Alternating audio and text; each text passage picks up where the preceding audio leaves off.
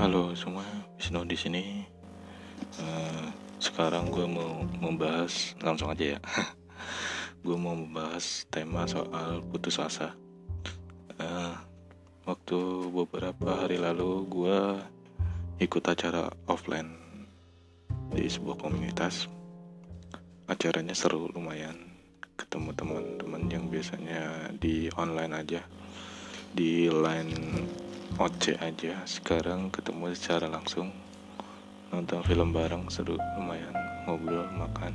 Seru dah. Gue nggak bisa mendeskripsi gue nggak bisa menjabarkannya dengan baik. Uh, pulang acara itu malam ya. Jam 8 jam 8 lah.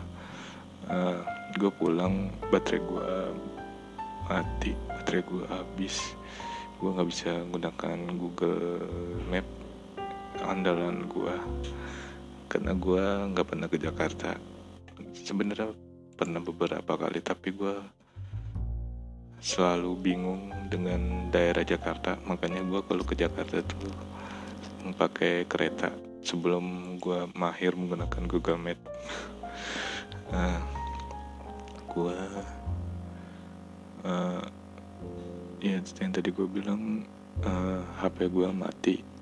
Gue nggak bisa gunakan Google Map alhasil gue menggunakan insting buruk gue gue pakai insting dengan lihat pelang-pelang hijau penunjuk arah dan alhasil gue nyasar. Gue nyasar. Aduh, nyasar itu paling males gue nyasar sampai dua jam sampai bikin gue putus asa sampai gue ya udahlah gue ke karena gue taunya blok M. Ya udahlah gue ke blok M aja. Bukannya gue cari di mana blok M blok M blok M. Akhirnya ketemu setelah dua jam lebih nyasar pulang-pulang gue jam 11 anjir.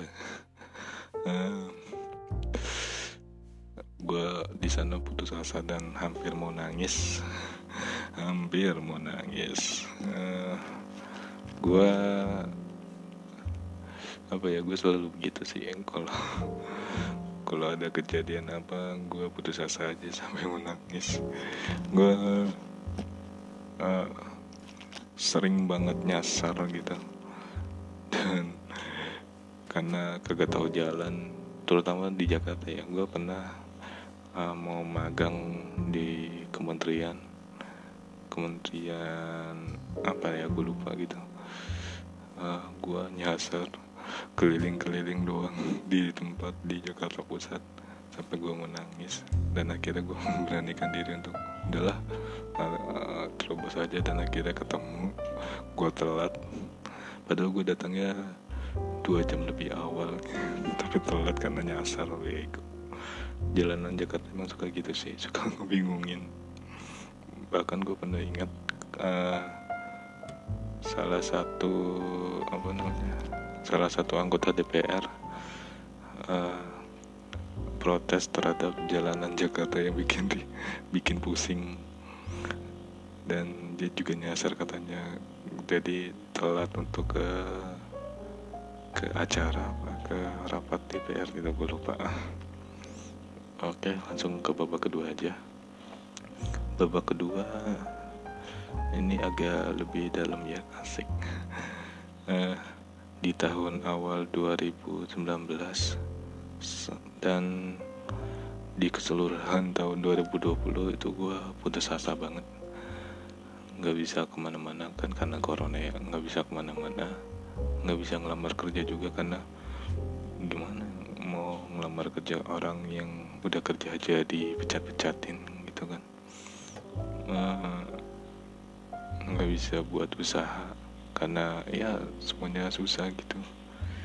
Pokoknya gue di rumah aja dengan sumber stres gue yaitu orang tua gue gue nggak bisa melakukan hal apa-apa mau keluar juga nggak bisa.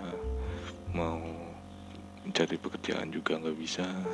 Padahal gue baru lulus di situ lulus kerja gitu semua serba uh, susah dan itu membuat gue benar-benar putus asa di sana. Gue menjalani hidup tanpa gairah tanpa semangat hidup gitu.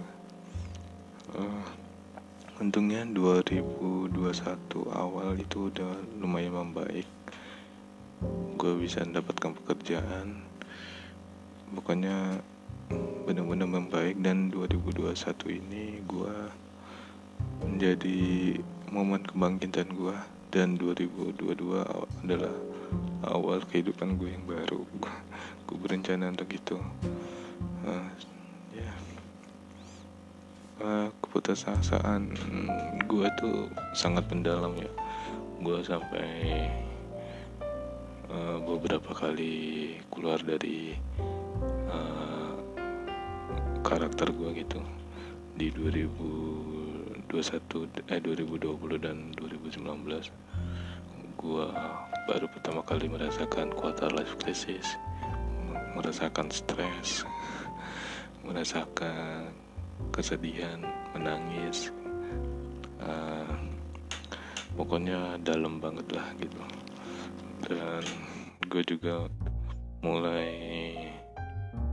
terbuka terhadap isu-isu mental isu-isu kehidupan gitu dan ya gue benar-benar putus asa lah dan berusaha keluar dari keputusasaan itu.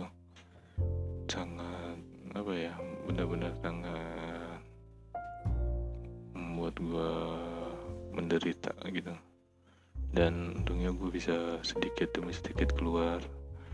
Di 2021 gue juga uh, ada sedikit rasa putus asanya karena gue baru pertama kali kerja.